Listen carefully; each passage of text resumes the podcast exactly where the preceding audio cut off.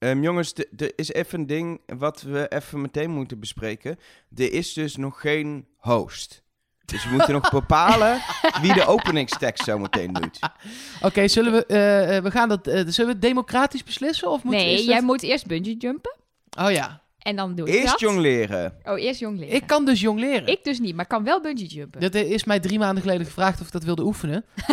om de host te kunnen zijn van Trust Nobody. Dus ik heb geoefend. Ja, maar uiteindelijk, uiteindelijk gaat het erom wie het beste naar een schermpje kan kijken.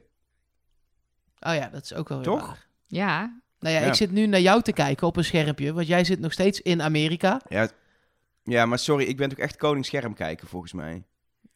Ja? Oké. Ja, dat claim ik dan mezelf wel toe. Oké. Elger, koning, scherm Maar dan dus ook host. Ja, precies. Bij deze ben je ook de host. Ja, het zou ook een rood scherm kunnen zijn, hè? Nee, nee, nee, nee, nee, nee, nee. Je hoort zo meteen een openingsmuziekje. En daarna hoor je Elger. Want dat is dus gewoon, zoals altijd, de host.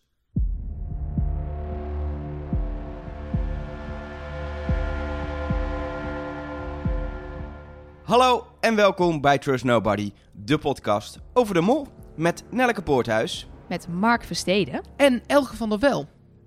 Ja, ehm, aflevering 1 van het seizoen Trust Nobody België. Het eerste seizoen is officieel begonnen, we zijn er. Ja, Yes. echt. Ik, heb, ik wilde eigenlijk op tijd naar bed zondag. Toen zag ik dat die aflevering niet zo lang was als normaal gesproken. Toen dacht ik, daar moet iets bijzonders aan de hand zijn. Ik ga kijken en ik zat echt zo rechtop in mijn bed. Ja, wat vet!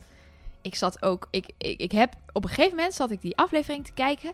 En me, tijdens zeg maar de tweede opdracht, dat ze daar allemaal in een rondje zaten en op hun scherpje zaten te kijken. Ik vond dat zo spannend dat mijn been begon te trillen en niet meer stopte. En ik, ik was helemaal niet de mol. Ik kon helemaal niet uitgekozen worden, maar ik vond het zo spannend. Oh, wat fantastisch was het weer. Ik heb dus bijna, ik heb echt zitten kijken of het heel makkelijk mogelijk was om, om de video, zeg maar, vertraagd af te spelen. Zodat ik dat, dat stuk waarin ze de gesprekjes met Shiel één op één hadden, echt zo heel frame voor frame kon, kon analyseren. Maar dan moest ik het scherm recorden en dat dan in een editprogramma vertraagd afspelen. Want een gewone player heeft niet echt die optie.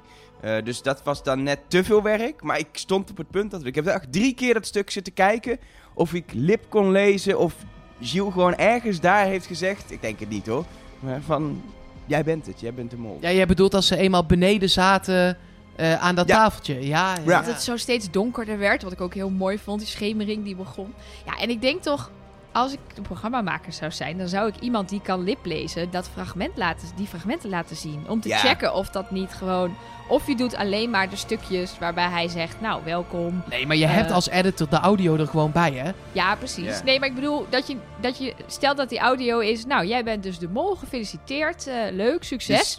dan Dus ik- ga je, stop dat in die aflevering. Dan ga je toch een liplezer, iemand die dat kan, laten testen. Oh, ja. Is dit, is dit eruit te halen, ja of nee? Laten we dit straks bespreken, want ik heb daar in ieder geval genoeg over opgeschreven, over dat ene stukje. Ehm, maar laten we heel even, heel kort nog vertellen voor degene die voor het eerst luisteren, omdat ze eh, niet eh, in Nederland, wie is de kijken alleen in België.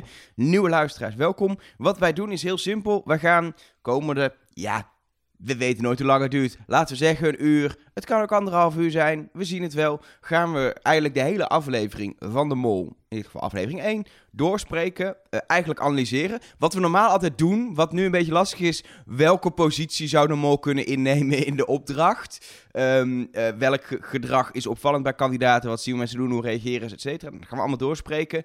Ehm, en vervolgens gaan we eigenlijk nog kijken naar eh, geheime hints, aanwijzingen, andere theorieën. En doen we ook een gok naar wie de mol is. En ook alle input van jou als luisteraar is welkom. Ja, en eh, eh, eh, het wordt wat dat betreft een beetje een lastige eerste aflevering. Want, eh, nou ja, we proberen het gewoon chronologisch aan te pakken. Eh, dat begin, dat zij elkaar voor het eerst zien. Nou, het begint bij het einde. Ja, oké. het ja, echte dat is begin, dat vond ik ook al wel mooi, was gewoon de finale.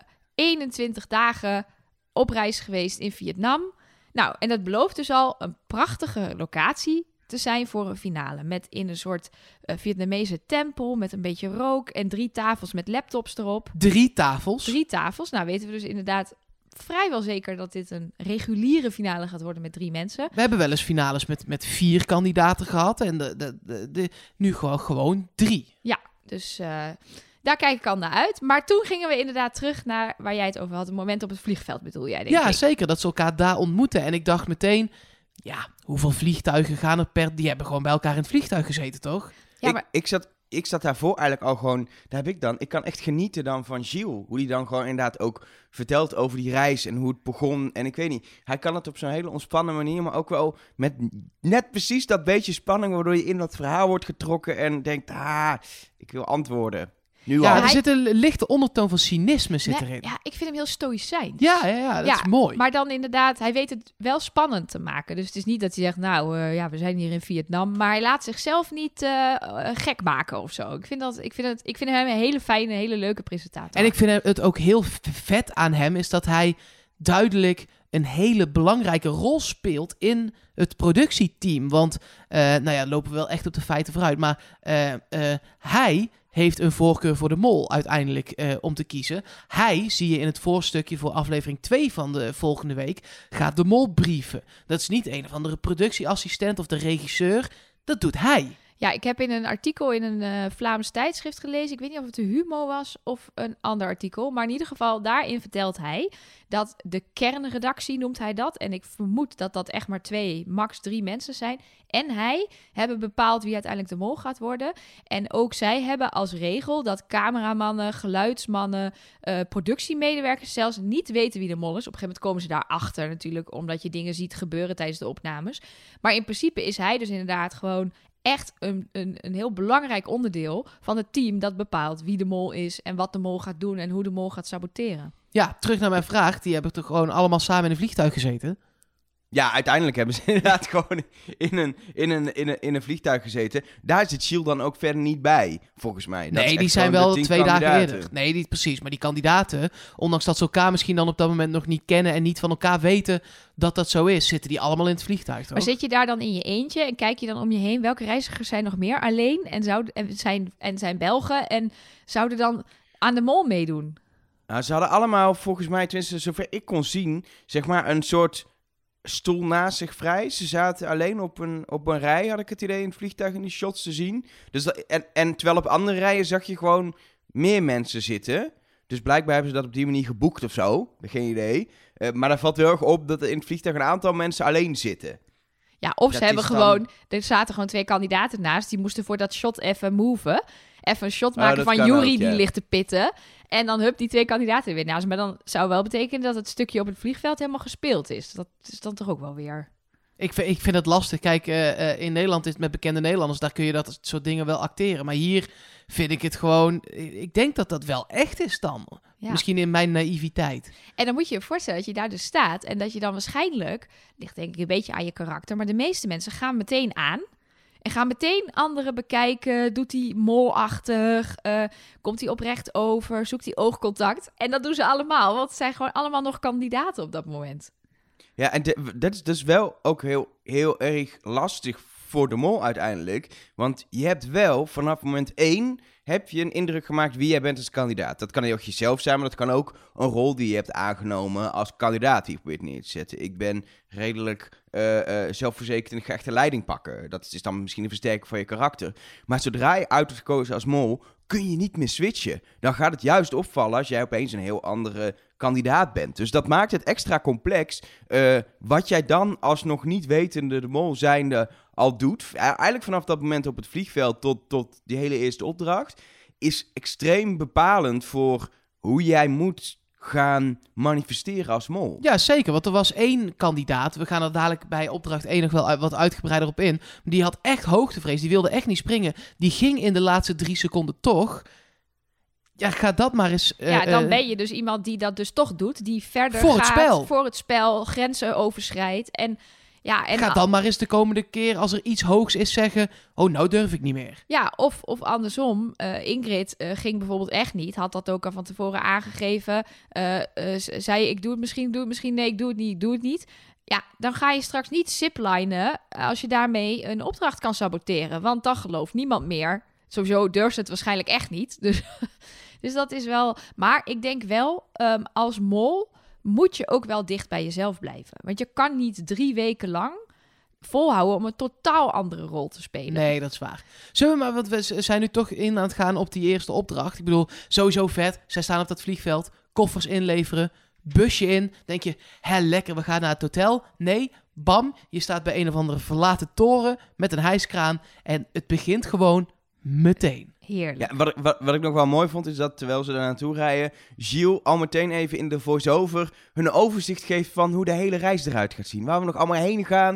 Hij ging heel kort langs van, nou, dit is de reis beginnen daar, dan gaan we daar en en daar. En dan dat mooie shots. En dan weet je, oké, we gaan lekker veel verschillende omgevingen zien. Van, van steden tot prachtige natuur. Ehm, en het wordt eh, een mooi avontuur, wat, eh, wat dan eh, ja, voor ons weken gaat duren. Maar voor, voor de deelnemers dan drie weken heeft geduurd. Ja, maar wat een land. Ja, volgens mij is Vietnam fantastisch mooi. Ik eh, kijk er echt naar uit om daar meer van te zien. Maar echt die tempel inderdaad, wat jij net zei, waar die finale is. Maar ook drone shots zitten er weer in. Eh, Dat is echt... Ja, en ik, mooi. Het is natuurlijk niet mooi, maar die locatie waar nu de hele aflevering zich afspeelde, ik vond het fantastisch. Een Zo'n of ander geraamte. vaag hotel, denk ik, op de Ja, achtergrond ja, of zo. Nooit afgebouwd ook, of leegstaand. Of, of ja, het was erg, eh, erg mooi. En wat ook meteen kwam, waren de shots waar eh, de mol eigenlijk ook wel bekend om staat. In het busje. Ik vind de shots in het busje altijd zo leuk. Dan zie je die kandidaten echt met elkaar ouwe hoeren.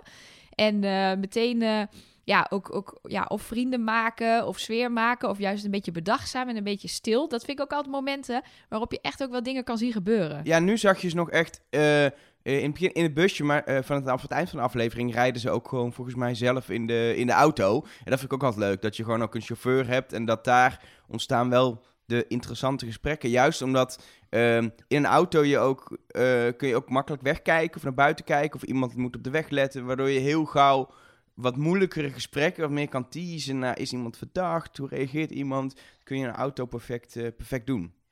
Opdracht 1 dan. Ja, precies, wou ik net zeggen. Opdracht 1, ja. Vertel, Elger. Nou, opdracht 1 was eh, een opdracht zonder mol. Ehm, ja, moeten we hem helemaal uitleggen. Het, het jongleren bepaalde wie van de twee mensen uiteindelijk ehm, moest springen. Afhankelijk van wiens balletje er op, op de grond viel. En hoe langer er gejongleerd werd, hoe meer eh, eh, geld te verdienen viel. Uiteindelijk eh, was er per persoon 500 euro te verdienen. Als iedereen eh 6 seconden, of nee, 30 seconden jongleerde was het. 6 seconden per 100 euro. Ja, 30 klopt, ja. Ja, 30 seconden jongleerde en iedereen sprong. Ehm, en dat werd dan verdubbeld als ze die zin die op dat kussen stond, als ze die zouden kunnen lezen. Elke keer stonden er nieuwe letters. En als je had gesprongen, kon je die letters gaan delen. En kwam natuurlijk de zin uit, er is nog geen mol gekozen.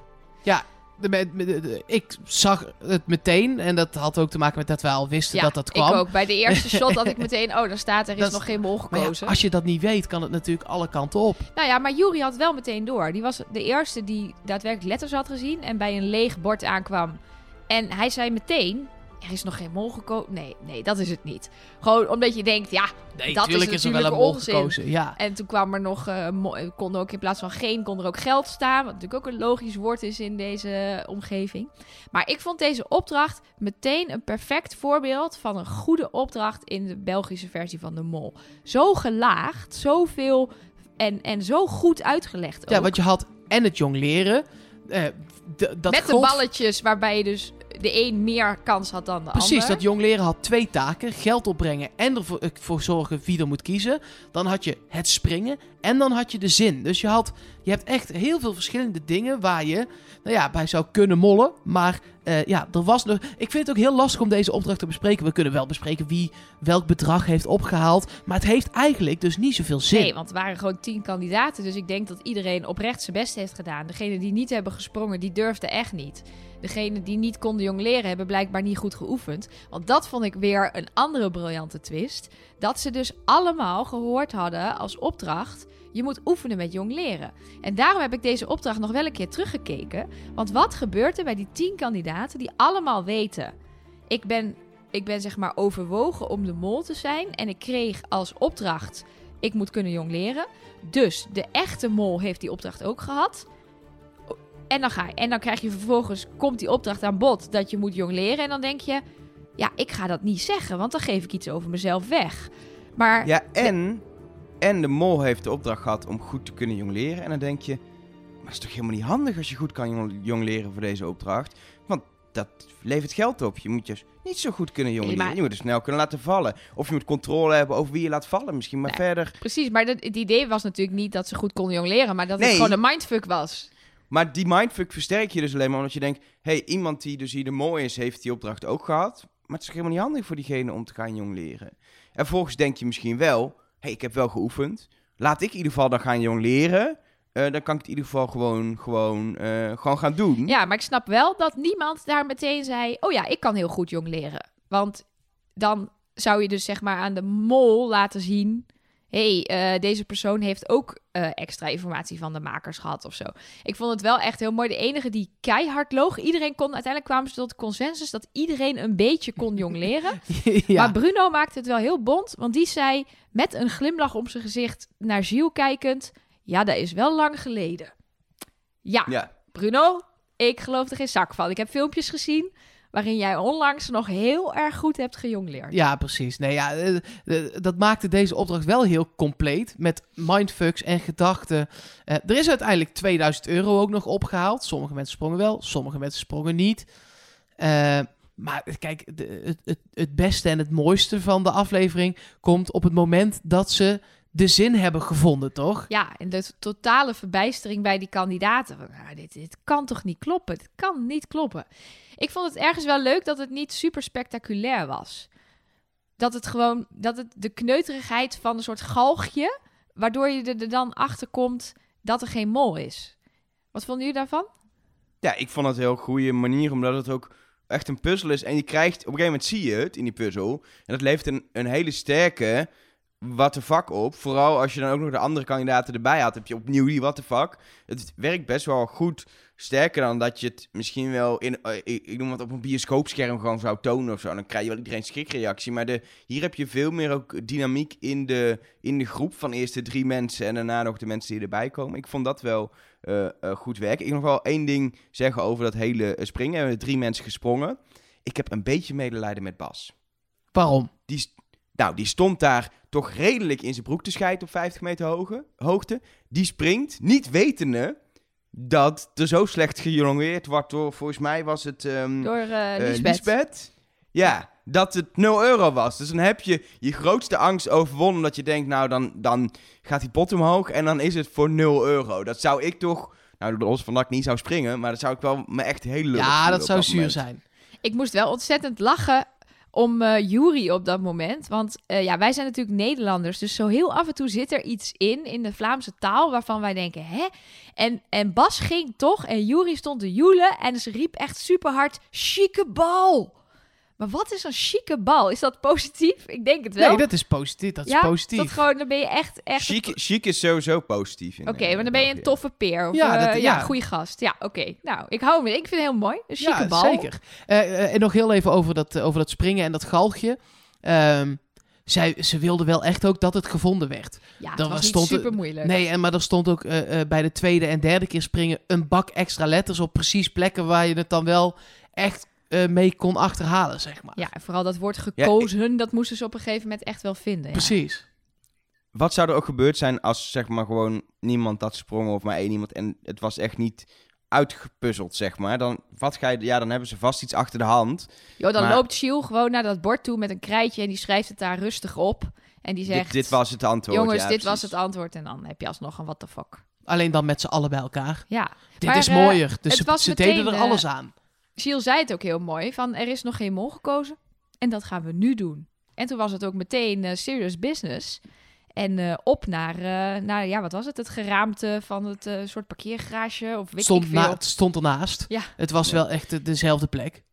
Heel, heel belangrijk aan deze opdracht is, we kunnen, dus, we kunnen dus verder totaal geen conclusies trekken van wat er tot dan toe is gebeurd in de hele zoektocht naar de mol. Maar je kan dit wel als perfect referentiemateriaal gaan gebruiken. Degene die nu wel sprong en eigenlijk niet durfde, die gaat dat op nieuw doen als kandidaat, maar als mol misschien niet. Uh, diegene die uh, heel erg proactief is of juist terughoudend, gaat hij anders reageren. Kan het ook zijn doordat je verder in het spel komt en in het begin afwachtend bent, maar het is wel goed referentiemateriaal. En daarom vind ik het heel fijn dat we ook echt superveel hebben gezien van, van de hele groepsprocessen, van het jong leren, uh, van het springen bovenaan. Hoe ze ook op elkaar daar reageerden, hoe ze elkaar steunden. Uh, om echt te pushen om wel te gaan. Of zeiden, nou, ik zou zelf ook niet gaan, dus ga maar niet. Uh, bij, bij Axel en Martijn was dat natuurlijk het geval. Ja, dat Martijn kwamen... zei, nou, spring maar niet hoor, gaan we weer naar beneden. Groetjes. Terwijl, terwijl zeker Kaat was, was aan het pushen, niet normaal ja, je gaat het mooiste moment van je leven zijn en uh, dit ga je nooit meer vergeten. Doe het nou. Maar ja, ik zat was geen beweging veel in. te bang. Nee. Veel te bang. En ik denk ook wel, het was ook echt hoog. Ja. Ik heb dit ooit gedaan in de, uh, in de, op hetzelfde, zo'nzelfde bakje aan een kraan uh, in Scheveningen, aan de pier. En als je daar boven staat en je moet jezelf laten vallen, dat is, ik heb totaal geen hoogtevrees. Ik vind hoogtes fantastisch. Maar dat gaat zo in tegen je overlevingsdrang. Je hele lijf schreeuwt: wat ben jij een idioot? Je gaat toch niet hier vanaf? Dat is, ik vond dat verbazingwekkend. Hoe, want je nou- moet iets doen. Je moet zelf actie ondernemen. Ja, ik heb wel hoogtevrees. Ik zou nou, dan moet er toch een flink bedrag voor die opdracht verdiend kunnen worden. En dan moet ik zeker weten dat die balletjes zijn vastgehouden en dat er 2000 euro op het spel staat. Dan vind ik het nog geinig om me dan maar een keer mijn broek vol schijten. maar anders gaat dat echt niet gebeuren. Ja, het, is ook, uh, het is ook grappig. Dat uh, hadden ze vorig jaar natuurlijk ook. Was het vorig jaar dat ze allemaal bij die brug boven het water hingen? Nee, is en twee zichzelf jaar moesten twee, jaar twee, jaar, twee jaar terug. En zichzelf moesten loskoppelen. Ook dat is het feit dat je jezelf moest loskoppelen, is zo moeilijk. Dat is de mindfuck. ja, het, is, het vallen is niet het ding. Het is zelf je in die val moeten werpen, is bijna, ja, inderdaad iets wat je lichaam of je geest eigenlijk gewoon zegt ja, maar dit doe je niet, want dit is, dit is dodelijk wat je nu gaat doen. Ook al hang je aan een draadje. Uh, doe dit niet, want dit, dat, is niet de bedoeling. En dan blokkeer je gewoon. En over, je moet over die blokkering heen. En dat is heel erg moeilijk. Ook zonder hoogtevrees, weet je. Ook als je gewoon geen hoogtevrees hebt, is dat nog steeds een super moeilijk punt om overheen te komen. Zullen we naar opdracht 2 gaan? Ja. Ik wil eigenlijk voordat we naar die opdracht gaan... Een... Ja, is, dat, is dat opdracht 2? Ja, laten we dat maar gewoon, opdracht 2 de molkeuze volgens ja. mij. Oké, laten we naar de molkeuze gaan. Maar voordat we dat doen wil ik jullie even uh, een gewetensvraag stellen.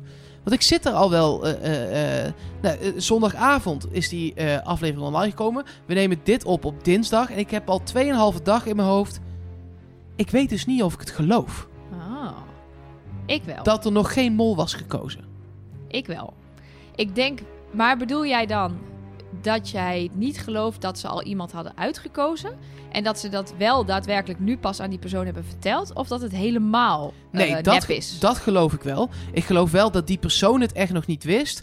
Maar ik geloof niet dat zij nog geen. Zij zeiden nu. Het was nu. Er, uh, drie kandidaten hadden ze een soort van voorgeselecteerd. Ja. Ik weet niet helemaal of ik dat geloof. En ik wil het heel graag geloven. Maar ik denk dat er van die drie. Ik, ik geloof ook wel dat er drie dat scherm hebben gezien. Ja. Uh, maar ik denk echt dat er al een hele sterke voorkeur voor één persoon is geweest. Dat kan haast niet anders. Ja, ja dat ik, denk ik, ik, ook wel. Maar, maar ik, denk, denk, dat, dat ze. Ook ik denk dat ze nog wel de optie open hebben gelaten om daar daadwerkelijk te kijken wat er gebeurt. Als die persoon echt, echt was gaan bibberen als een rietje. Ja, maar dat was hij, hij of zij waarschijnlijk niet. Want er was natuurlijk niet voor niks dan een voorkeur voor die persoon. Ja, ik denk, ik denk eigenlijk had ik ook wel het idee dat, uh, dat, dat ze wel eigenlijk de mol intern hadden gekozen iets te zijn. En ik, wat ik me zo afvraag, maar dat is een beetje, beetje conspiracy theory. Zou er inderdaad drie kandidaten het scherm hebben gehad dat ze het misschien zijn? Of heeft stiekem alleen de mol dat gehad? Of juist, hebben ze het alle tien gehad en denken ze dat maar drie het hebben gehad? Daar kun je ook heel veel mee spelen als makers. Want je laatste... gaat reageren op dat scherm en denkt dat uh, als iedereen bijvoorbeeld scherm heeft, je bent misschien een mol, dan, dan ga je zoeken naar wie uh, heeft dat scherm gehad. Maar als er iedereen het is, is dat een ontzettende mindfuck en maakt het alleen maar ingewikkelder. Ja, ik vind ik dat weet het niemand... niet. Ik hoop dat het niet zo is. Want ik heb wel echt zitten opletten hoe mensen reageerden. En ik hoop daar conclusies uit te kunnen trekken. Maar je weet, je weet je, ik, ik, er zou nog een soort twist aan het einde kunnen zitten. hey, iedereen had het scherm of, of zoiets. Ja, ik vind iedereen wel leuk. Uh, dat zou nog, nog wel een leuke mindfuck vinden. Ik zou het wel echt stom vinden als dit gewoon allemaal doorgestoken kaart is. En, uh, en alleen de mol dat scherm heeft gezien. Dus ik kies er ook eigenlijk gewoon voor voor mijn eigen plezier om dit te geloven. En ervan uit te gaan dat ze hier oprecht zijn. Wellicht met een zeer sterke voorkeur van Gilles en de, en de kernredactie, zoals hij dat noemde, voor een bepaalde mol. Maar toch nog wel drie mensen de optie geven. En wat ik ook interessant vind, dit is dus een groep met potentiële mollen. Nee, zijn- nou ja. Nou ja, met tien mensen die hebben gezegd dat ze de mol willen zijn. Ja, maar dat maakt je nog niet per se een potentiële mol natuurlijk. Nee, maar wel. Het is, je bent dan wel een bepaald type. Want normaal gesproken, eh, in ieder geval in Nederland, volgens mij in België ook, doen er altijd mensen mee die van tevoren aangeven: ik zou niet de mol willen zijn. Ja, ik, ik zat me dat nog wel te bedenken. Als je je dit jaar hebt, eh, hebt aangemeld, vorig jaar, eh, en je hebt nee gezegd, dan baal je nu wel echt als een stekker. Want dan heb je gewoon überhaupt geen kans gemaakt. Ja, of het is toeval eh, en hebben op basis van die aanmeldingen en de selectie dit bedacht. Is natuurlijk de vraag wat is bij wat gekozen. Ehm, het is wel zo, herinner ik me van seizoen 4, eh, eh, waarin eh, Gilles de Mol wordt en ze op die, die zoutvlakte het, het openen. Daar had je die twee auto's, was het volgens mij. Eén auto met allemaal kandidaten die, had ik gezegd, de mol te willen zijn. En één auto met allemaal kandidaten die hadden gezegd dat ze niet de mol wilden zijn. Dat was duidelijk een soort 50-50 verdeling Precies. tussen ik wil het wel en niet. En hier is wel inderdaad opvallend dat iedereen heeft gezegd, ik, ik, ik wil het wel. Ehm, en, ehm, en er daar eentje van gekozen is.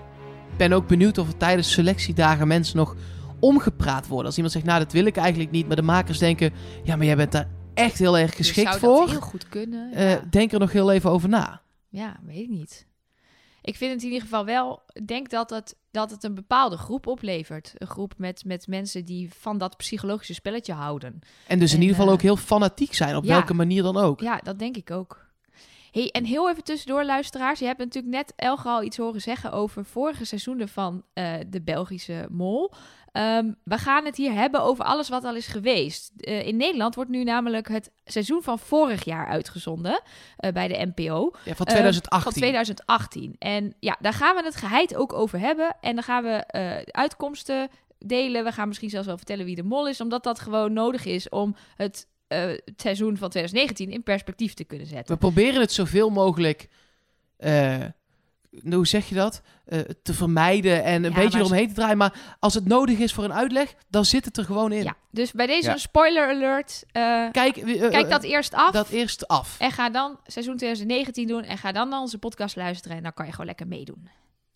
Precies. Ehm, misschien goed om even eh, iedereen's reactie op die, op die schermpjes af te gaan. Want ik weet niet of jullie daar hebben meegeschreven hoe mensen reageerden. Nee, Maar ik heb wel bij een, bij een paar mensen wel geprobeerd om te kijken wat is nou, wat is nou de, de zogenaamde micro-expressies. Dus hoe iemand Uh-huh. zijn gezicht trekt ehm, bij, een bepaald, ehm, bij een bepaald scherm. En bijvoorbeeld viel me op dat Elisabeth in ieder geval wat, wat moeite had met reactie. Een beetje een soort teleurstelling. En het kan zijn ook eh, dat ze juist misschien was geselecteerd als mol, maar toch niet wilde. Het was niet duidelijk voor mij wat het was. Dus niet per se, oh, ik ben de mol niet, terwijl ik het had gewild. Dat had ook precies andersom kunnen zijn.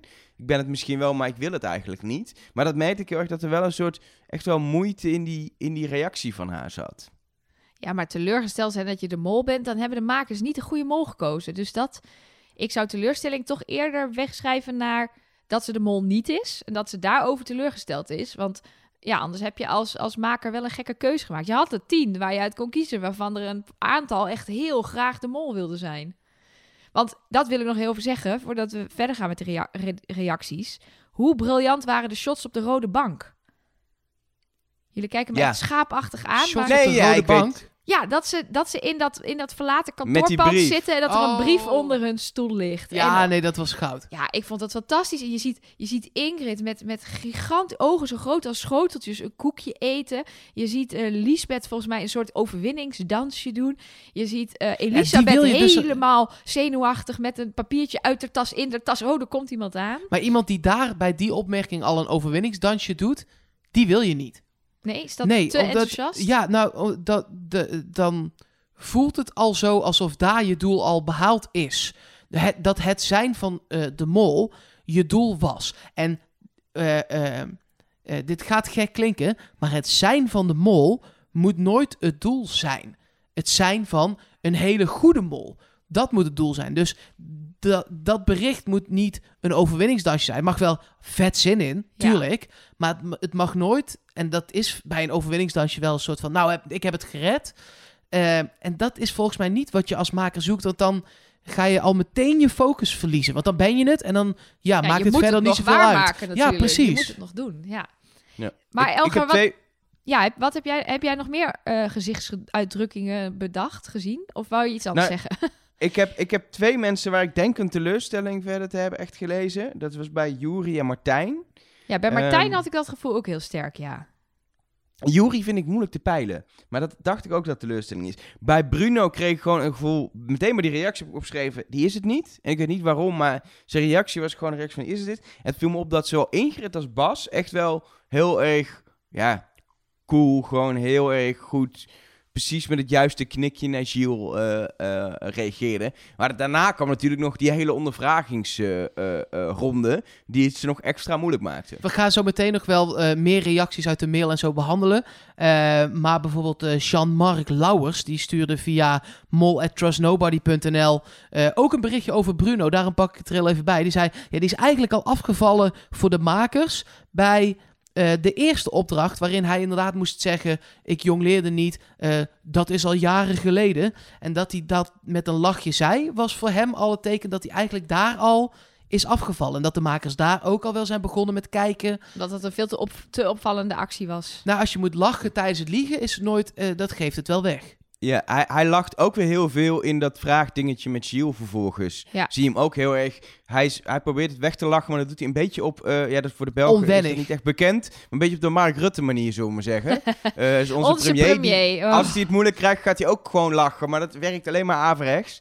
Eh, en daar heeft Bruno ook een handje van, zullen we maar zeggen. Ja, Ja, en dat Jury niet goed te lezen is, dat klopt, want die pokert. Dat vond ik wel interessante informatie. Want volgens mij is, is Jury een jongen die je nog wel eens snel verkeerd in kan schatten. Dat je denkt, nou, stoere gast, is lasser, breed, sportief, fit. Maar als je van pokeren houdt en eh, bijvoorbeeld ook van puzzelen, want hij had die zin binnen no time bij elkaar. De, hij heeft dus ook een goede, goede kop. En, eh, en, en hij, ja, pokeren heb je niet alleen maar pokerface voor nodig, maar ook inzicht in dat spelletje en eh, wat er al voorbij is gekomen qua kaarten, kansen inschatten. Dus volgens mij gaat dat, misschien is het ook een goede mol, maar ik denk ook echt wel een sterke kandidaat zijn. ja wat, wat mij heel erg opviel verder bij dat vragenrondje, was dat er eerst een hele groep met kandidaten was die op de vraag, heb je nog zenuwen, zeiden... Nee, nee, geen zenuwen. Nee, ik heb niks om zenuwachtig over te zijn. En dat toen eenmaal één iemand had gezegd, ja, ik heb op dit moment wel zenuwen, maar dat is ook niet zo gek in zo'n kringetje, dat toen de rest ook dacht, ja, je hebt gelijk ook, kan gewoon natuurlijk gewoon zeggen dat ik zenuwen heb. Iedereen is daar zenuwachtig. Ik was dus op de bank ontzettend zenuwachtig. Ja, ik heb, ik, heb wel, ik heb wel één iemand echt definitief kunnen wegstrepen in dat vragenrondje. Dat is Ingrid. Die ontwijkt vragen. En dat kun je als mol die gewoon geen antwoord gaat geven op vragen. Is gewoon onhandig. Als jij een vraag krijgt eh, eh, op een gegeven moment van een kandidaat. Ben je de mol? Dan moet je zeggen...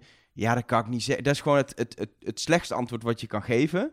Eh het maakt je heel twijfelend. Ik kom je over. Je Dus daar zegt heb ik nu wel zoiets- dat er dus op het moment... Dat is, dat is toch voordat de mol gekozen werd, die gesprekjes?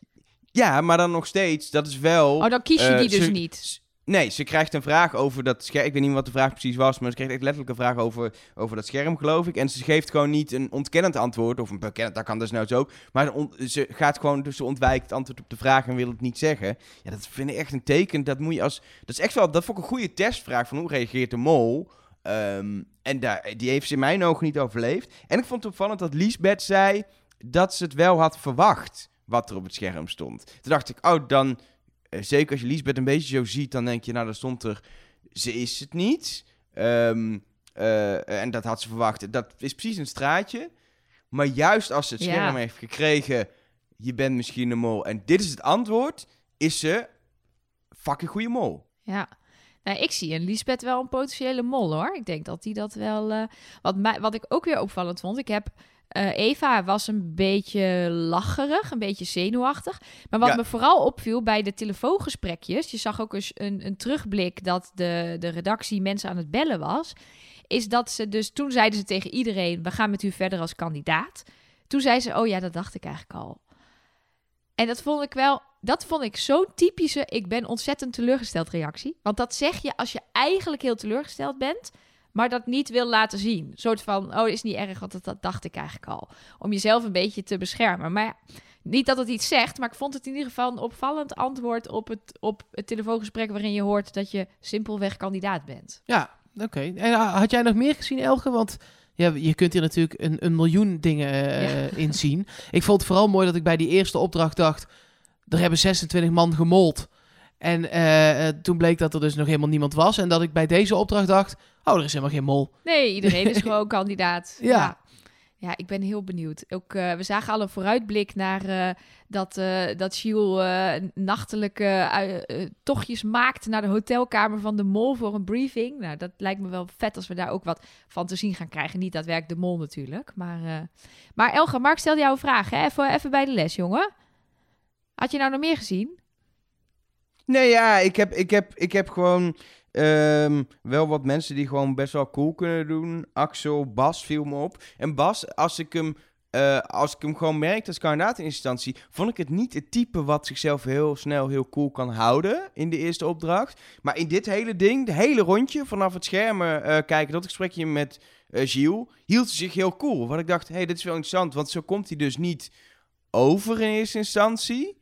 Je gewoon je eerste indruk hebt van zijn persoonlijkheid. Maar hij kan het dus wel heel goed. Wat perfect is voor een mol. Omdat dus je, als je anders overkomt dan je bent. En je bent dus eigenlijk beter om jezelf te controleren dan je overkomt. Kun je daar heel erg mee spelen als mol. Ja, en Ja. hij trok dat ook heel erg door nog in, in de busjes Ja, eh, naar... weet ik niet, ik ga uit van het hotel wel op dat moment... want het was inmiddels ja weer donker daarna stonden geworden. ze in de foyer van een hotel. Ja, precies. dus, eh, ja, ik, je weet maar nooit of er iets tussen nee, heeft dat is gezeten. waar. Maar eh, ik ga ervan uit dat dat naar dat hotel was. En in, in het busje bleef ook hij vooral echt heel erg cool. Dat was, Ja, hij en- zat toch in dat busje, busje waar meteen dat gesprek plaatsvond, want de mol zit in dit busje. Dat is best wel Ja. heftig om daar meteen zo over te gaan praten. Ik vind Ja, het en we, we hebben ook eerder in de aflevering hebben we hem horen zeggen. In, in gewoon zo'n. eh, uit een van die vele filmpjes die ze van tevoren hebben opgenomen. Want inmiddels heb ik zes filmpjes gezien die van tevoren zijn opgenomen, voor mijn gevoel. Ehm, maar ehm, ze- toen zei hij wel: Ik kan mij naïver voordoen dan ik ben. En dat, dat is precies wat, je, wat ik wel heb gezien. In die opdracht is hij wat zenuwachtig, on, on- on- onwennig. En dan in, in, in eh, de molbepaling, zeg maar, is hij gewoon super cool, straight. Heeft hij echt controle over, eh, over zijn zenuwen, et cetera. Zit je in een tunneltje? Nog helemaal niet. Nee, Zit nee je zeker in een tunneltje, in elk geval? Nou, hij heeft al helemaal twee niet. mensen af, definitief afgestreept. Terwijl ze Nee. nog, toen nog niet eens zelf de- wisten dat ze de mol definitief niet waren. Maar Elge van wel weet het al, jongens. Wel opvallend, want daarna komen natuurlijk de gesprekjes van, van Gilles. Het wordt langzaam donker. Je laat de mol toch in het donker komen. Hmm. Bas kwam in het donker. Verder zit ik nog Jongens. niet in een tunnel. Zit je in een tunnel? zit Nee. zo diep in een tunnel. En dan nog Nee, nee, zes nee, dingen nee. noemen waarvan je wel in een tunnel zit. Heb je, hebben jullie op zitten letten bij die, eh, bij die gesprekjes waar we natuurlijk geen geluid hadden, maar wel de hoofdbewegingen van Gilles, eh, eh, de reactie van de kandidaten zagen op wat er gezegd werd? Goede muziek eronder, zeg. Ja, de, de de playlist soundtrack- staat inmiddels online ook op Spotify. Precies, zal ik in de show notes zetten. Op trustnobody.be vind je dan eh, de link naar die Spotify playlist. Want echt de moeite waard. En ook eh, al, als we het over een foto hebben bijvoorbeeld, dat kun je natuurlijk niet zien in een podcast, maar dan kun je die daar ook vinden. Als we het over bepaalde filmpjes hebben, dan kun je die daar ook zien in de show notes. Dus eh, dat is goed om te weten. trustnobody.be. Maar mijn vraag was, Ja. Sorry, ja. voordat er iemand over de muziek begon, wat ik ook prima vind hoor, was, eh, hebben, jullie, hebben jullie iets eruit gehaald uit die, eh uit Nee, die ik Ik heb heb echt zitten kijken Heel en doen... goed gekeken. Wat me opviel was dat Shield elke keer exact dezelfde houding had. Eh, dus dat was bijna, ik zou me dat kunnen voorstellen als jij de presentator bent, dat je denkt, ik wil niks weggeven, dus ik, ik kies een houding en die neem ik elk gesprek aan. Maar verder, ja, er zaten sommige kandidaten zaten achterover geleund, anderen zaten op het puntje van hun stoel. Ja, wat je daaruit kan halen, geen idee.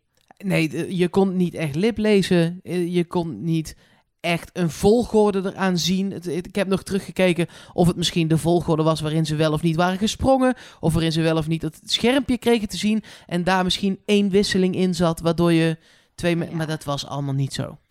Nee, ja, ik, ik, ik, heb, ik heb vaag in mijn boekje te schrijven bij twee mensen niet, maar ook drie vraagtekens erachter, omdat ik het eigenlijk ook niet weet. Dus ik kan wel zeggen Kaat en Bruno, maar dat die het niet zijn, maar dat is volgens mij compleet waardeloos. En daar ga ik totaal ook niet vooraf. Ik vind het wel frustrerend, want ik heb het idee dat je het daar kan zien, of dat je het zou moeten zien, en dat dat erin zit en dat je het toch niet eruit haalt. Snap je? Ja, maar dat is achteraf ga je waarschijnlijk zeggen: oh ja. Maar ja, dan weet je het. En dan kan je dus ook alles wat je bij die andere negen hebt gezien, is dan niet meer relevant. Maar iedereen is daar zenuwachtig en gespannen en doet, doet iets. Dus nee, volgens mij kan je er niks uithalen.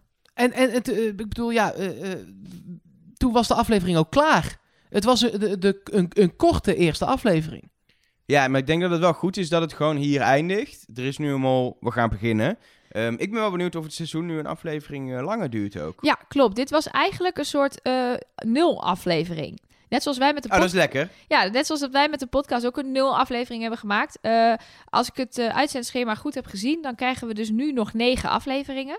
Ehm, Dan moeten we even een vakantie cancelen, geloof ik. Want we hebben precies geregeld op, op een aflevering minder, zeg maar. Dat het totaal negen zijn. Oei. Eh, handig. Dit gaan we ooit nog een keer. Nou ja, jij zit nu goed. ook 8000 kilometer verderop in Amerika. Dus dat gaat, gaan we doen. We gaan dat eh, is waar. Vanuit Dat Vietnam komt de laatste aflevering van Trust Nobody. Maar gaan jullie naar Vietnam dan? Nee, volgens mij niet. Oh, oké. niet dat, ik, heb, ik heb niks gepland staan richting Vietnam. Nee, maar wat ik, wat ik wou vertellen. Oké. Wat ik wou zeggen eh, was dat ehm, daarom deze aflevering ook wat korter duurde. Eh, volgens mij staat voor de volgende aflevering in de gids eh 1 uur en 20 minuten gepland. Of Ja, zo. iets Dus, langer, eh, maar er zit ook reclame in. Precies, dus, Dus, dat zal eh, sowieso langer dan een uur worden. Eh, ja, en dit was een soort opmaat. Vanaf nu kunnen we daadwerkelijk gaan beginnen. Oh, lekker dat het is begonnen gewoon. Ja, ik vind het ook heerlijk. Oh. Zometeen, dan doen wij een schot voor de boeg. Want eh, dat hebben we in de nul aflevering die online staat ook gedaan. Toen sloeg het helemaal nergens op. Nu ik weet slaat niet eens het... meer wat ik heb gezegd toen. Oh, ik wel. Eva, denk ik. Kun je nagaan hoe erg het ja, nergens dat op was sloeg? echt een Ik schot weet voor nog de wel boeg. wat ik heb gezegd. Ik ook, maar nu slaat het straks een beetje nergens op. Ehm, zometeen ook de input van iedereen. Maar we moeten het eerst even hebben over, eh, over Patreon.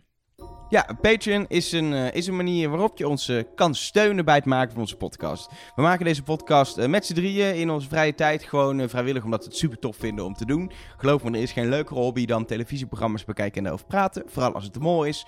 Ehm, het punt is wel, het kost niet alleen heel veel tijd, maar ook nog, ook nog geld. Mark stapt elke week in zijn auto. Ehm, we hebben molboekjes laten maken waarin we schrijven. Hosting kost geld voor de website. We hebben een heel mooi logo. Nou, eh, en eh, alle tijd die erin zit, eh, vinden, we het, vinden we het leuk om wel ergens te kijken of we dan financieel enigszins ja, zogenaamde compensatie eruit kunnen halen. Ehm, en we hebben er gekozen om dat niet te doen door deze podcast vol te stoppen met, met advertenties. Dus, ehm, eh, dus dat scheelt ons advertenties voorlezen, maar scheelt jou als luisteraar irritatie. In plaats daarvan hebben we eh, Patreon. En Patreon is een platform waarop je makers, zoals wij dus, kan steunen voor het werk wat, zij, eh, wat ze voor je doen. Ehm, en als je naar patreon.com slash trustnobody gaat, of naar trustnobody.be en op steun ons klikt, dan kun je daar zien hoe je ons kan steunen voor een bedrag per maand, wat je ook trouwens iedere maand weer kan, kan stopzetten. Dus je zit nergens aan vast. Een bedrag begint bij 1 dollar, maximaal 10 dollar. En afhankelijk van hoeveel je steunt, krijg je ook echt iets terug. Je kan dus echt een vet molboekje krijgen om thuis eh, mee te kunnen schrijven. eh, stickers om op te kunnen plakken. eh, maar ook toegang tot onze hotline om berichtjes te kunnen sturen, et cetera. En er zijn, zoals iedere week, een aantal mensen die dat hebben gedaan. en die namen wil ik even met jullie delen. En dat zijn, om precies te zijn, Mirjam, Dennis Bauma, Sia, Siana, als ik het verkeerd uitspreek, sorry. Annette Simmelink, Willem Bartelings, Jelle van Scheppingen, Leroy van Wijk, Koen Jonkers. Dat, dat waren ze voor deze keer. Wil je erbij staan? Wil je voor een keer voorgelezen worden? Steun ons. Vanaf 1 dollar word je al voorgelezen, dus dat is leuk. Ja, even nog voor de, voor, de, voor de grote duidelijkheid. De podcast zelf, die blijft gewoon gratis. Dit is echt vrijwillig. We gaan geen geld vragen voor eh, eh, luisteren of, of wat dan ook. Nee, Eh, dus je abonneren in je podcast-app is ook altijd gratis. Daar vragen we niks voor terug. Alleen als je ons heel erg tof vindt en je kan wat missen, dan is er dus een manier om ons te steunen. Een van die dingen die je dan terug kan krijgen, dat is de hotline. Daar kun je ons dan ook allerlei berichtjes op sturen. En eh, nou, daar reageren wij dan ook op. Bijvoorbeeld Bert de Bruin, die heeft dat gedaan. Eh, allereerst vroeg je heel lief eh, of we wel gespoilerd mochten worden. Ja, want hij wist natuurlijk niet wanneer we dat hadden gezien. En, en hij wilde graag met ons wat dingen delen. Maar jongens, stuur het gewoon. Het is onze eigen verantwoordelijkheid om dan even die hotline op zondagavond niet te lezen als we niet eh, direct kunnen kijken. Dus stuur gerust alles naar ons op. En hij had ook nog een vraag. Hij zegt: Ik ben benieuwd naar hoe jullie de afleveringen van deze serie gaan doen. Gewoon met dezelfde opzet. Daar is het antwoord Ja, zeker. Ehm, en een vraag voor mij of follow the money wel nog gewoon in België geldt. Eh, ja, dat moeten we wel even uitleggen. In Nederland was het dit seizoen zo dat er op een hele aparte manier gemold werd door Merel Westrik, nieuwslezer van RTL. Zij was de mol. Ehm, en zij ging bij een aantal opdrachten bijvoorbeeld eerst en haalde dan geld weg uit de opdracht. Dus ze haalde wel geld weg, maar haalde daarna zelf ook wat geld op. Ja, waardoor ze soms de kandidaat was eh, die in een bepaalde opdracht het meeste geld had verdiend. Of zelfs volgens onze follow the money theorie, waarbij je helemaal uitrekent wie is verantwoordelijk voor welk geld, was zij uiteindelijk in de finale de kandidaat die het meeste geld had binnengehaald. Maar ze had ook het meeste verdoezeld uiteindelijk. Dus Alleen wisten we dat niet altijd als kijkers. Precies. Eh, en ik denk dat dat in België niet zo is. Zeker nu er geen mol gekozen is. Eh, Zo'n tactiek moet je ver van tevoren wel echt bedenken en uitvoeren. En bedenken waar dan als makers. En eh, ik denk dat hier Follow the Money meer gaat tellen dan in het Nederlandse seizoen. Ja, ik denk dat over het algemeen je in België kan zeggen dat het niet per se degene is die het minste geld verdient. Want dat valt dan weer op. Ehm, maar dat de mol ook zeker niet degene gaat zijn die heel veel geld verdient. Eh, dus dat je zeker als er nog tien mensen in het spel zitten, eh, of straks 9, 8, dat je echt een beetje in de middenmoot moet gaan kijken voor de mol. Het zijn ook fikse bedragen in België. Hè? Ik bedoel, nu ging het al om 5000 euro wat verdiend kon Ja, worden. en de pot in Nederland was afgelopen jaar 10.000 Ja, euro. Dus, dus er is in de nul de helft. al 1 vijfde binnengehaald vandaar. Dus, eh, ongelooflijk. Nou, dat was de hotline. Daar kun je dus bij als je Patreon wordt. We zijn ook gewoon te bereiken via Twitter, Facebook, Instagram. Trust Nobody Cast heten we daar. Eh, daar kun je ons gewoon bereiken op DM, eh, via een mention, eh, Instagram, follow, dinges, alles. Daar zijn we gewoon allemaal. Doe je ding. Precies. En via de mail mol@trustnobody.nl. Eh daar heeft eh, iemand waarvan ik de naam Punt niet- .be, hè, Mark? Ja. Punt .be. Oh ja, het werkt nou, dat allebei, werkt, maar het, het, werkt allebei. Belgische podcast. Je Voor ons ook even wennen. Ehm, daar heeft iemand waarvan ik de naam niet van ga noemen een mailtje gestuurd. Want dat is namelijk een collega van Axel. Oh, en, en waar vliegt Axel? Brussels Airlines. Aha. Ehm, dus eh, nou ja, wie weet dat het dan via hem bij Axel kan komen. En dat we gewoon even eh, daar reclame kunnen krijgen. of Ja, zo. dus inderdaad. eh, Axel, eh, we vinden je toffe kandidaat nu al. Lievelingskandidaat. Jij maakt mensen gelukkig, heb je gezegd. Nou, Team wij zijn Axel, heel echt- gelukkig. Woep, woep. Je bent echt de, je bent de beste steward die we kennen. Stuart, hij is piloot. Ja, nee, dat was het hele ding in de aflevering. Ik vond het trouwens wel interessant dat hij dus zijn, zijn beroep ziet als mensen gelukkig maken. Vind ik Ja. leuk, vind ik mooi. Is ook wel zo. Ja. Er zijn ook mensen die zo zeggen, maar het is het milieu vervuilen. Maar hij ziet het als mensen gelukkig maken. Dat Wat ik me lekker? Wel aan de hand van dit mailtje afvroeg, is dat je natuurlijk... ehm, ik ben heel benieuwd hoe het is als je een van de kandidaten kent.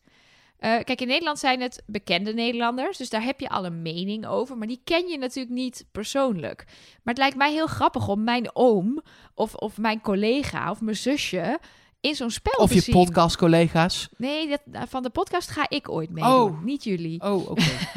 Nee, maar snap je dat je dan eh, gedraagt diegene zich dan anders? Dan heb je natuurlijk een heleboel meer informatie eh, om, eh, om te denken of iemand de mol is, ja of nee. Ja, maar dit seizoen dus wel minder, omdat je je zo moet gedragen zoals je in, in opdracht 1 hebt gedaan. Ja, Dus als je anders gedraagt, dat best kan, kan het ook een kandidatentrucje zijn. Eh, dat je gewoon denkt, nou, ik ga dit voor mezelf wat meer uitbuiten en ik ga een beetje spelen, omdat het als kandidaat handig uitkomt.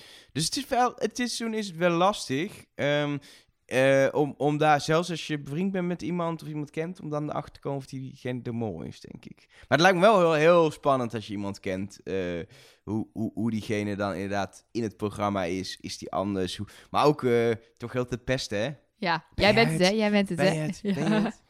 Word je Goed. helemaal gek van voice mij als kandidaat. We hebben We hebben heel veel meer mailtjes, Een flink pak, dus ik ga er even doorheen. Eh, van Wendy krijgen we een mailtje wat we van wel meer mensen als bericht krijgen. Dat vinden we heel leuk. Mensen die bijvoorbeeld eh, door het luisteren van deze podcast eh, nu ook de Belgische, de Vlaamse, de Mol gaan kijken.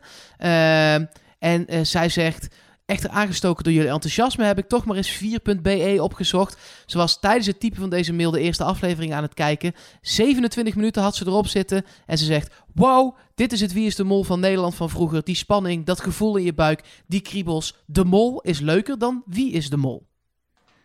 Wauw, ja. Het is toch vet dat mensen door ons of de- door ons enthousiasme daarover nu ook de Vlaamse variant eh, Ja, zijn gaan ik eh, kijken. noemde ons eh, op social media al een paar keer voor de grap molfluencers. Wat echt een, echt een woord is om op te kotsen. Maar ja, we krijgen wel echt vaak die reactie van... ja, ik keek dat eigenlijk nooit, maar jullie zijn er zo enthousiast over. Ik ga het toch maar eens proberen. En tot nu toe waren de reacties van die mensen allemaal positief. We hebben nog maar één aflevering gehad, maar eh, ik ben heel benieuwd. Ja, dan kregen we nog een mailtje van Bram. En eh, Bram heeft het over Café de Mol. Dat is eh Mol Talk. eh, het, het, het nabeschouwingsprogramma op het programma.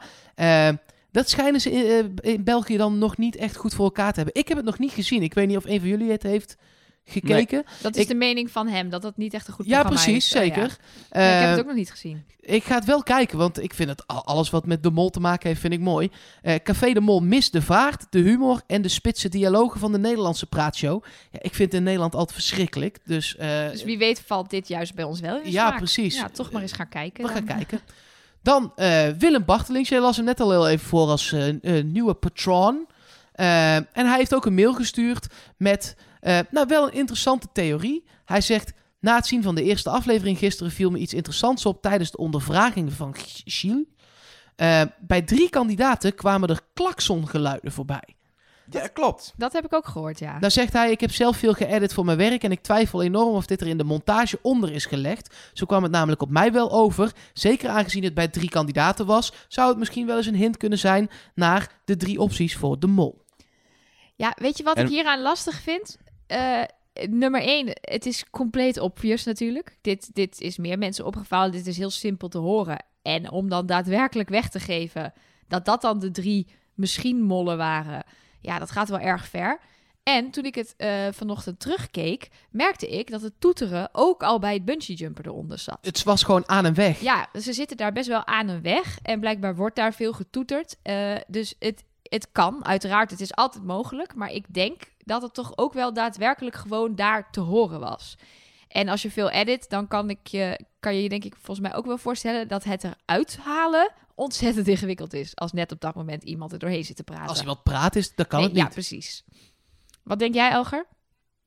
Ja, ik, het, het, eh, ik, ik heb mij is maar bij twee kandidaten opgevallen. Ehm, als er drie zijn, vind ik het alweer iets. hmm. Maar ik denk niet dat je het. Ik denk gewoon, je wil geen hint weggeven wie die drie zijn nu. Dat is gewoon niet leuk.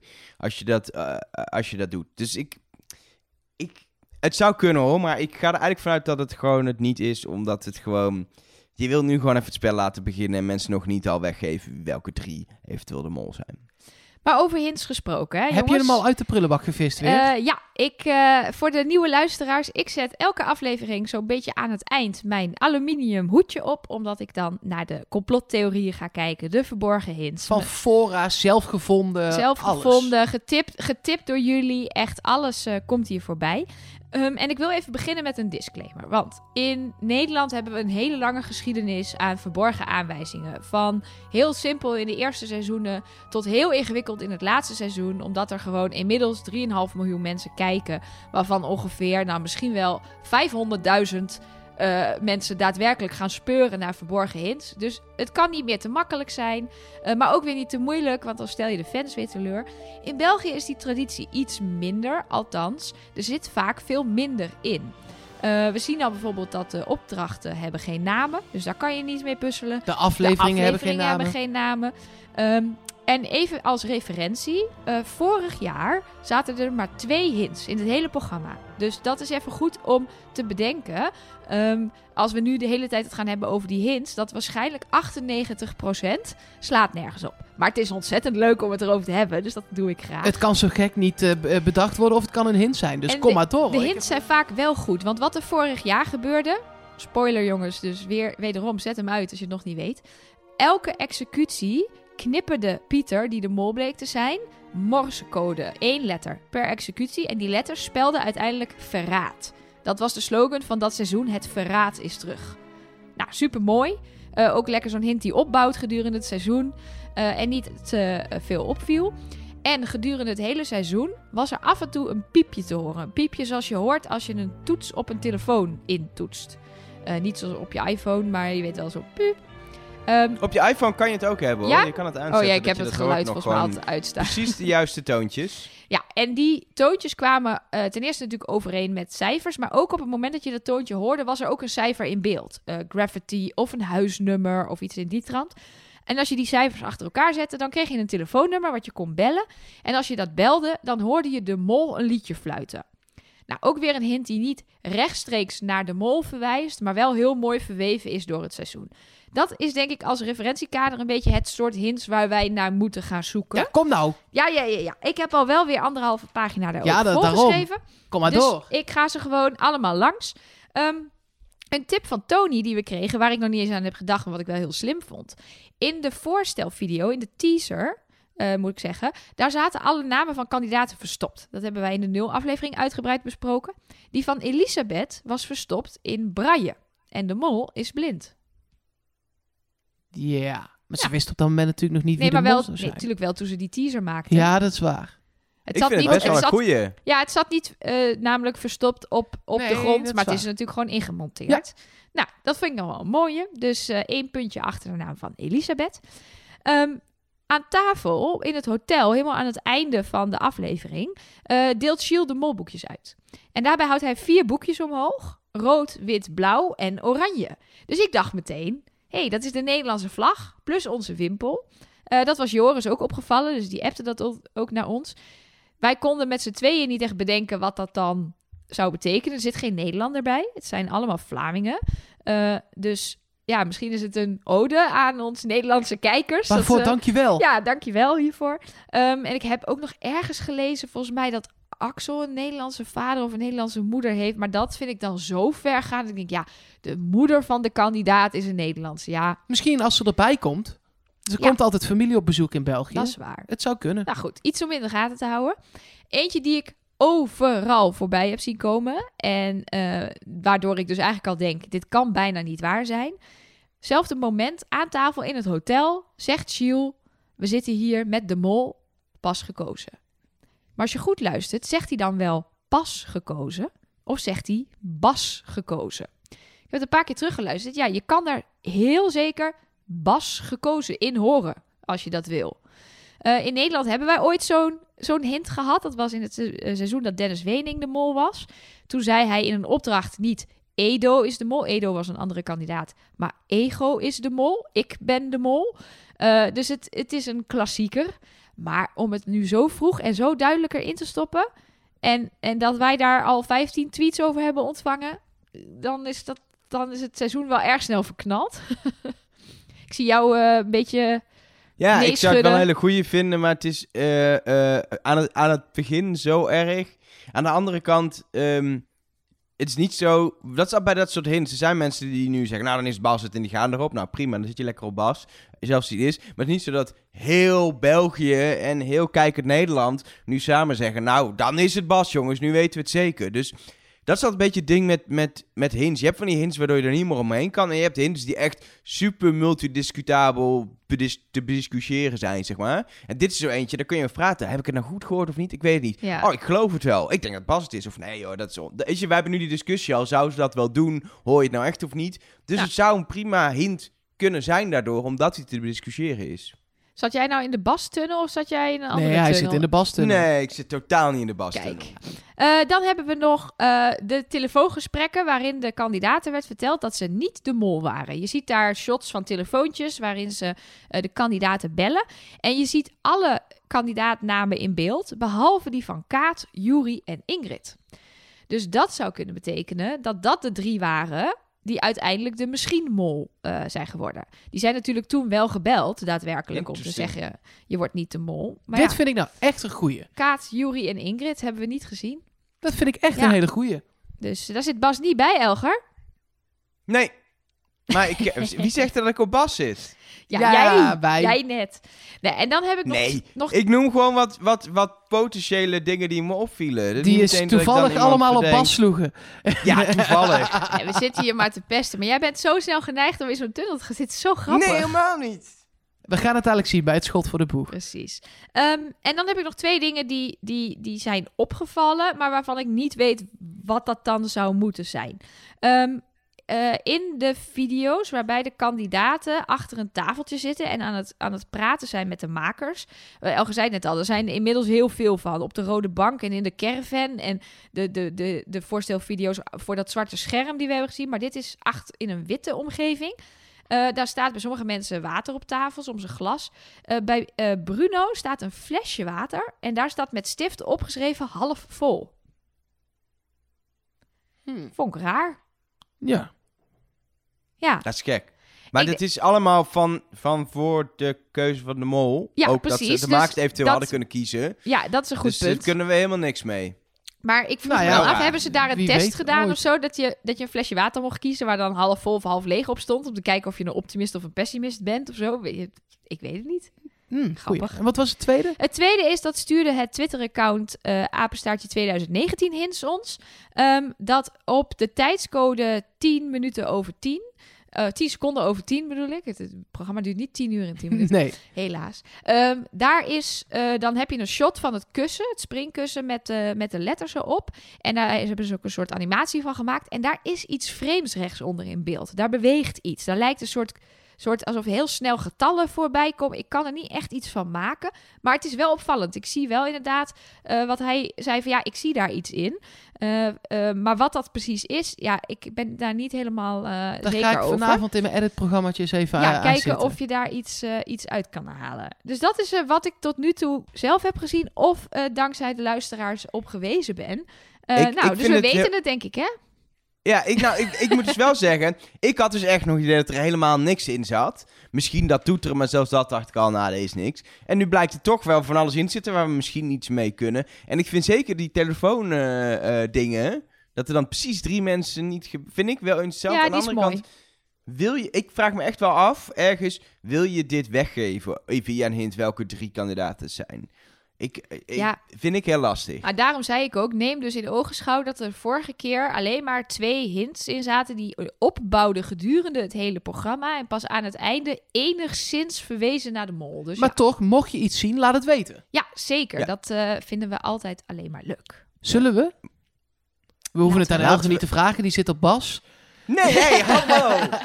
Oh, wat is dit flauw. Ik kom meteen weer in een tunnel geduwd. Vind ik echt, jullie duwen mij die tunnel in, hè? Dat Kom. doe ik niet zelf. Uit je tunnel, kom er maar uit. En wie is het dan wel? De vraag wie is de mol, inderdaad, die gaan we beantwoorden. Ehm, ik, ik, ik- er zijn allerlei mensen die ik gewoon denk dat ze het wel zouden kunnen zijn. Ehm, opvallend vind ik gewoon qua karakter, vind ik Kaat een hele interessante. Zeker ook hoe, hoe, hoe pushy ze kan zijn. Dat merkten we al toen, we, eh, eh, toen ze boven stond. Zo, ze, ze heeft een grote bek, eh, wel heel jong. eh, zou wel heel erg kunnen spelen met de andere kandidaten in de groep en een bepaalde rol in gaan eh, spelen. Ik denk wel hoe kleiner de groep wordt, hoe opvallender zij qua aanwezigheid is. En dat is voor een mol wel gevaarlijk dat ze niet meer zich kan verschuilen. Ehm, ik vind, eh ik vind Yuri... Je mag er één kiezen, hè? Ja, maar ik, dit is gewoon een paar namen. Eh, Nee, oké. vind ik wel, vind ik wel eh, een beetje prototype dat hij best wel geschikt is voor mol. Eh, maar daarom juist niet. En ik denk ook dat hij een heel geschikte kandidaat is. Dus ik denk eigenlijk dat ze er bij hem voor kiezen. Laat hem maar kandidaat zijn. Het is ook wel een goede afleiding, denk ik. Want ik denk dat Yuri best wel een beetje verdacht gaat worden. Eh, en als ik gewoon nu moet zeggen, gewoon op basis van wat ik tot nu toe heb gezegd, zou ik dan toch Bas zeggen, denk ik. Gewoon nou even ja, als wat schot een voor de verrassing!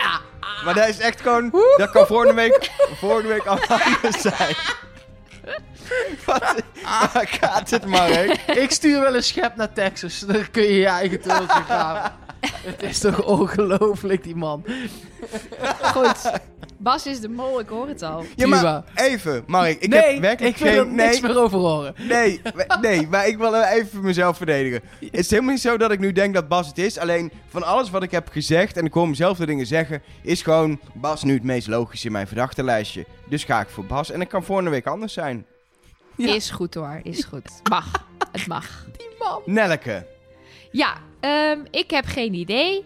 Eh, het is eh, eh, ja, nog volkomen in het duister Nee, dit is de, dan, ik ga hier ga ik gewoon zeggen, ik verdenk iemand, dan krijg ik allemaal gelach, uitklak, zit in Jij een kreeg tunnel. net en jij zegt, ik 4,5 heb geen idee. jij kreeg net 4,5 minuut om... Om, Om zeven namen te om behandelen. zeven, ik zeg één zin, ik weet het niet en jij valt me meteen aan. Ik ga toch ook iemand noemen? Maar laat me even rustig iemand Oké, noemen. kom maar op. Ik Nou. zal even mijn mond houden. Ik vind inderdaad Jury een interessante kandidaat. Maar wat ik eerder ook al zei, ook gewoon als kandidaat heel interessant. Dus eh, niet per se een mol, maar wel iemand die ik in de gaten ga houden. Eh, ik ben het met Elger eens. Ba- Bas is interessant. Eh, Kaat vond ik, eh, vond ik sociaal heel goed. Ik denk dat je als mol moet je ook heel sociaal intelligent zijn. Eh, je moet heel goed een groep aan kunnen voelen en mensen aan kunnen voelen. En dat kan zij volgens mij. Ehm, ik zou Bruno afschrijven op basis van de dingen waar we het net over hebben gehad. Eh, ik vind Ingrid ook nog wel een, zeg maar, een gevalletje. Eh, is misschien de mol juist omdat je denkt, ach, dat is een, een, een vrouwtje die is een beetje bangig en die, die weet het allemaal niet zo goed. Ehm, maar ik ga nu eh, voor Lies of Liesbeth. Eh, volgens mij is de consensus in de groep daar een beetje dat we er nu Lies mogen noemen, omdat er ook een Elisabeth is. Dus ik mag haar ook Lies noemen, want ik, ik verdenk haar. Ja, ik weet niet, ik kreeg daar een, een goede vibe van. Ik vond haar, juist wat jij zei, Mark, tegenovergesteld. Ik vond haar ronde dansje wat ze deed op de rode bank toen ze hoorde dat ze de mol was, ook wel weer voor haar pleiten. Oké. Dat ze daar heel enthousiast over is en dat echt heel erg leuk vindt om te doen. Ehm, Ha- maar ja, ha- ze was ook degene die zei bij het scherm, had het wel verwacht. Dat ze dat scherm Ja, kreeg nou tegen. Dus- Precies, precies. Dus eh, misschien voelden ze al aan dat ze een hele sterke voorkeur hadden voor haar. Jij dus maar goed, Lies. het is schot voor de boeg, Lies. Ik ga, en dat is puur gebaseerd op alle reacties in de gesprekken met eh Gilles eh, in dat cirkeltje boven bij die schermen voor Martijn. Ik- Oké, Ik, ik, oké. dacht, ik dacht eh, Axel in het, in het zeg maar, schot voor de boeg toen we echt nog helemaal niks wisten. Die vond ik niet zo sterk in die reacties. Nee, Ik ook niet. nee, die viel een beetje tegen. Nou, hij viel niet tegen, maar als hij, hij kwam in die filmpjes, kwam die steviger over dan dat hij uiteindelijk ter plekke was. En dat is, kan ook heel goed geacteerd zijn, maar vier keer zeker en vast zeggen. eh, dat geeft niet echt vindingrijkheid en eh, eh, eh, Scherpe... eh, improvisatie. ja. Dat woord zocht ik. Oh, ja. En dat heb je als mol wel nodig. Ehm, en ja, ik, Martijn vind ik zo'n coole guy. 23. Ja, hij is gewoon best mysterieus wel. Ja, ja. ja, ik vind hem Die ook bril, hè? Die bril, jongens. die is echt goed ook. Echt Binnenkort, binnenkort, joh, binnen, binnenkort, binnen twee weken, overal uitverkocht ook dat modelbril. Half, half België en Nederland gaan dat ding kopen. Ik zou bijna mijn ogen slechter maken om ook die bril te kunnen dragen. Het was echt een goede bril. Yes. Nou, we hebben drie verschillende verdachten. Dat vind ik wel lekker bij het begin dat we nog allemaal op iemand anders gewoon een schot voor de boeg Ja, doen. mensen vragen ons wel eens of we dat met opzet doen. Want heel vaak is dat namelijk aan het eind van het seizoen nog steeds zo. Eh, maar nee, nee, we doen echt oprecht. We denken wat we denken en we zeggen wat we denken. Als we En- over vier afleveringen allemaal Lies denken, dan is, Ja. eh, vinden we allemaal Lies. Precies, en dan eh, zien we wel of dat klopt of niet. Dus, eh, dus nee, dat wordt niet voorgeproduceerd, zullen we maar Niks. zeggen. We zitten gewoon te ouwe hoeren hier. Ja, dat is het. Sterker nog, we hebben vorig seizoen hebben wij eh, eh, eh, eh, alleen een seizoen over Nederland gemaakt. Ehm, toen was het de eerste seizoen in Nederland. Toen hebben we wel één bonusaflevering over België gemaakt voor de finale. En toen was onze conclusie, met z'n drieën gezamenlijk, dat Pieter de Mol was. Ehm, en dat bleek toen ook zomaar zo te zijn. Ehm, dus dat, ja, als we het weten Spoiler. of doorhebben, dan is het dus. Ja, we gaan niet nog honderd keer een spoiler alert Nee, doen dit nu seizoen, hebben hoor. we, hebben voldoende spoiler alerts eh, gedaan. Dus, eh, Ja, we, we doen nog steeds een spoiler alert nu daarna. Dat heeft niet zoveel zin, denk ik. Nee, daarom. Maar we hebben het aan het begin van de aflevering ook netjes gedaan. Want we willen Daarom. natuurlijk wel alles gewoon netjes doen. Daarom. Hey, weet je wat Ehm, trouwens ook nog een tip is eh, voor onze luisteraars, eh, maar misschien ook voor jullie, Elger en Mark? Ik ben lid geworden van een hele leuke groep op Facebook. Dat heet de Mollengroep. Dus als je op Facebook zoekt op Mollengroep. Het is een groep van een Belg, Mark de Nijs. Dat is echt de oppermollenspeurder van België, heb ik het idee. Die, die eh, vangt alles op eh, wat er over de mol voorbij komt. Dus ook eh, na de aflevering wat, wat er is opgevallen. Er zitten heel veel hele leuke Belgen in die groep die ja, ook op zoek zijn naar de mol. Dus mochten jullie nog meer de mol willen, dan moet je even de mollengroep op Facebook checken. Nou, leuk. Voor nu moeten we volgens mij gaan afsluiten. Volgende week, donderdag, gaan we aflevering 2 bespreken. Dan is het spel ja, echt begonnen, want het is het nu. Ehm, voor nu, eh, bedankt voor het luisteren. Ehm, wat, wat, echt, wat echt een oproep is die we willen doen is...